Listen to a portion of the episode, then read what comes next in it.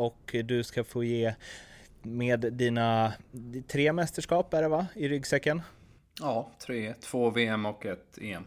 Så ska du få ge det liksom lite tyngd bakom, det är därför Mattias har sidesteppats då, då. Han har ju gjort sina tre Kings Cup-matcher i Thailand.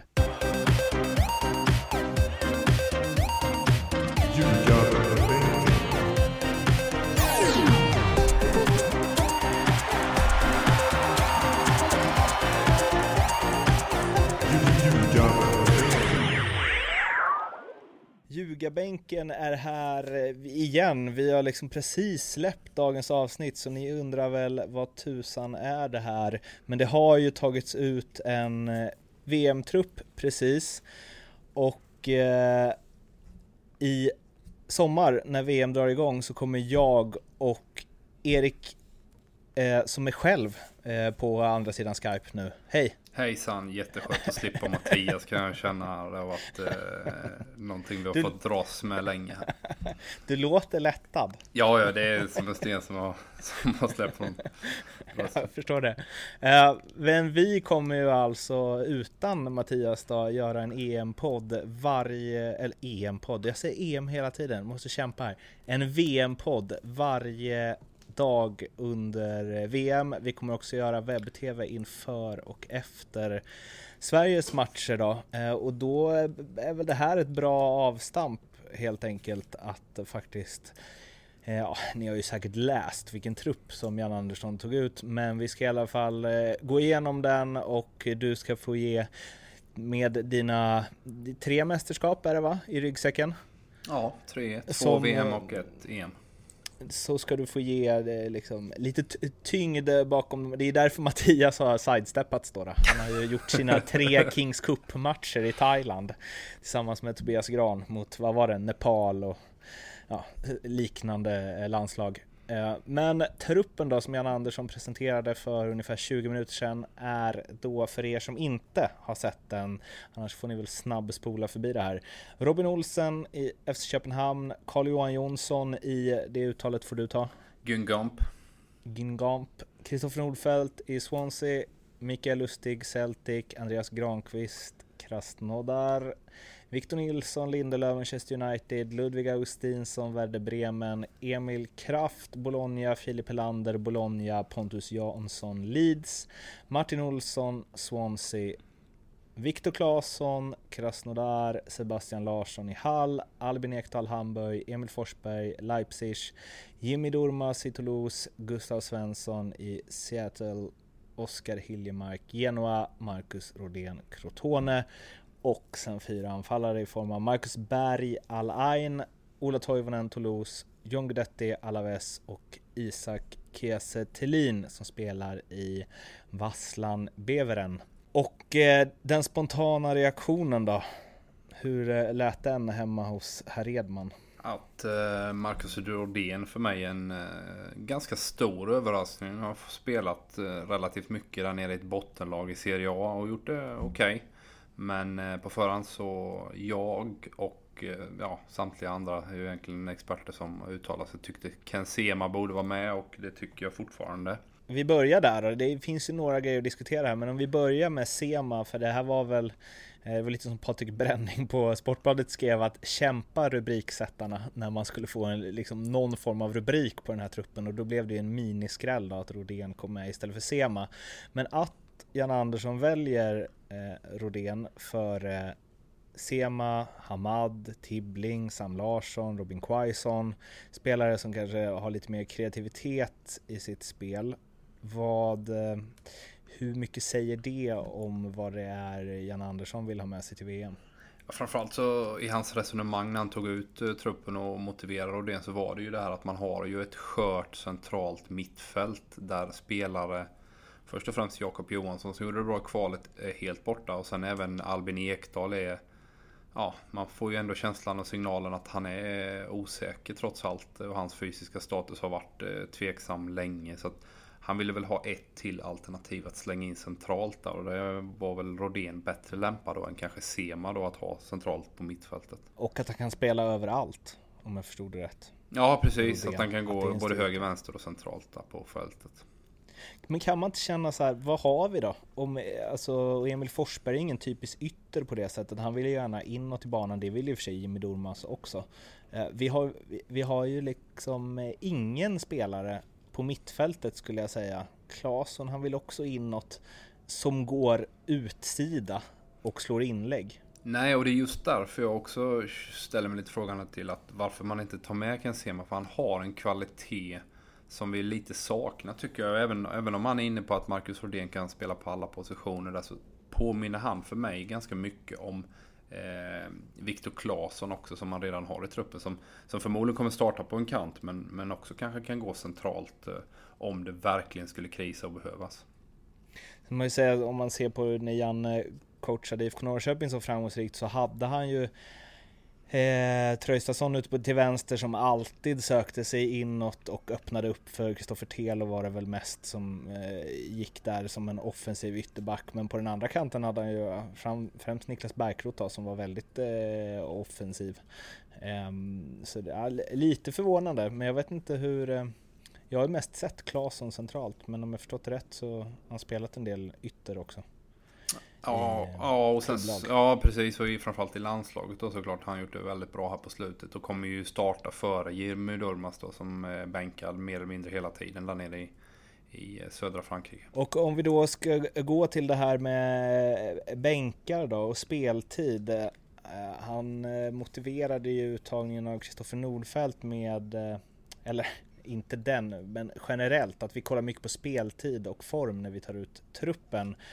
Och Kristoffer Nordfeldt har ju då alltså inte, jag vet inte när han spelade senast. Han har spelat extremt lite i alla fall eh, det senaste året. Och eh, det finns ju en del andra spelare som också haft lite kämpigt med speltid. Tänk Ola Toivonen, Jimmy Dormas. Han har ju ändå sina säkra kort på något sätt som väg där det känns som att att Janne har koll och vet vad han får väger ju tyngre än spelstil. Det känns lite som att han bara sa sådär för en, som en ursäkt för att ta ut de spelarna han vill ha med, eller vad man ska säga. Ja, alltså så som jag personligen hade resonerat hade det varit att är det en spelare som, som är ordinarie i startelvan eller nära att hoppa in så tycker jag att man ska bortse från det här med, med speltid om, om man har suttit på bänken. Som Toivonen är en startspelare men han har suttit på bänken i stort sett hela säsongen. Då, då, då, tycker jag man ser bort ifrån det och, liksom tar med han och, startar han oavsett. Men när det gäller spelare som kommer vara bänkade i landslaget och är bänkade i sina klubblag.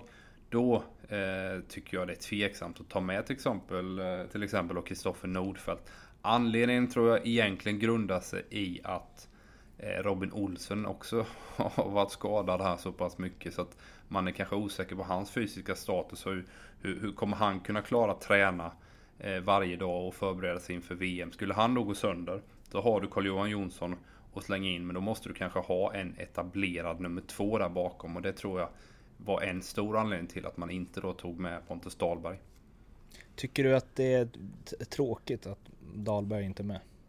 Ja, Eller fel på något ja, sätt? men spontant om jag tittar tillbaka när jag var med i Japan 2002 så, så hade ju Isak eh, gjort det bra i Djurgården, men han var ju en ung pojk då i stort sett. Och han fick vara med om den upplevelsen att, att eh, se och lära under ett VM. Jag tror det är väldigt nyttigt för, för yngre spelare då. Om man nu tror väldigt mycket på någon så, så kanske det är den platsen som eh, finns öppen att kunna laborera lite med som en tredje keeper. Och Magnus Hedman 94 lika så. Va? så mm. det, det, det, är en nyttig erfarenhet. Sen har ju inte Sverige den lyxen att vi kan ha liksom Eh, Eh, tre, fyra turister som, som eh, åker till Ryssland och tittar på matcher. Va? Det, det, så är det ju inte. På tal om det då, då, för att någonstans så har vi ju eh, i, alltså dels Pontus Dahlberg förstås, men vi har ju också Alexander Isak som ändå har nämnts lite fast han inte fått, han har gjort några inhopp i Bundesliga och så vidare. Men om man ser på vad han gjorde i allsvenskan, det snackades ändå om Sema till exempel.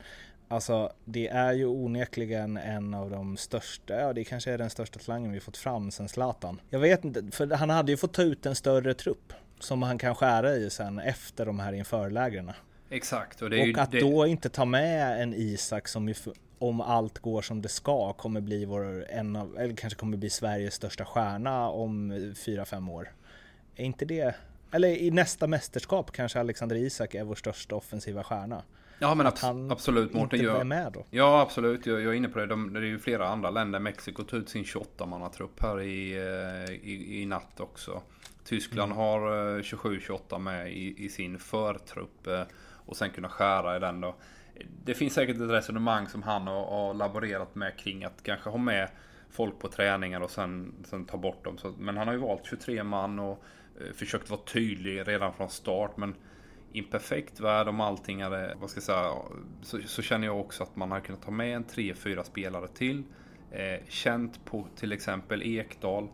Eh, hur hans status mm. med och samtidigt hållit eh, Ken Sema varm så att säga under träning och sånt. Mm. Nu, nu kan han gå sönder och så sticker han på semester.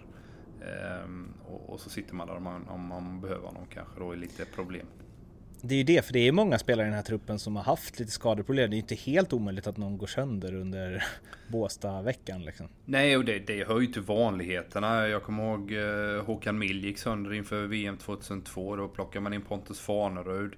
Eh, så, så att liksom, den typen av situationer uppstår. Det ska vi säga nästan regel än undantag att mm. någon spelare kommer gå sönder under eh, de här förlägren eller har då en historik som gör att man inte riktigt är på gång och kanske inte kan göra sig rättvisa och, och då känner att nej, det är bättre att någon annan får chansen.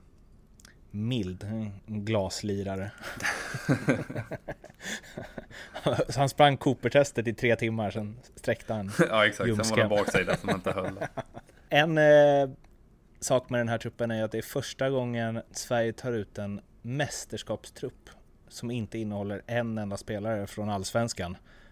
S vad säger det om vad? Det säger ju att vi har ju väldigt mycket spelare ute. Sen så var väl Sema då den som alla hoppades och trodde att han skulle vara representanten i, i Sverige.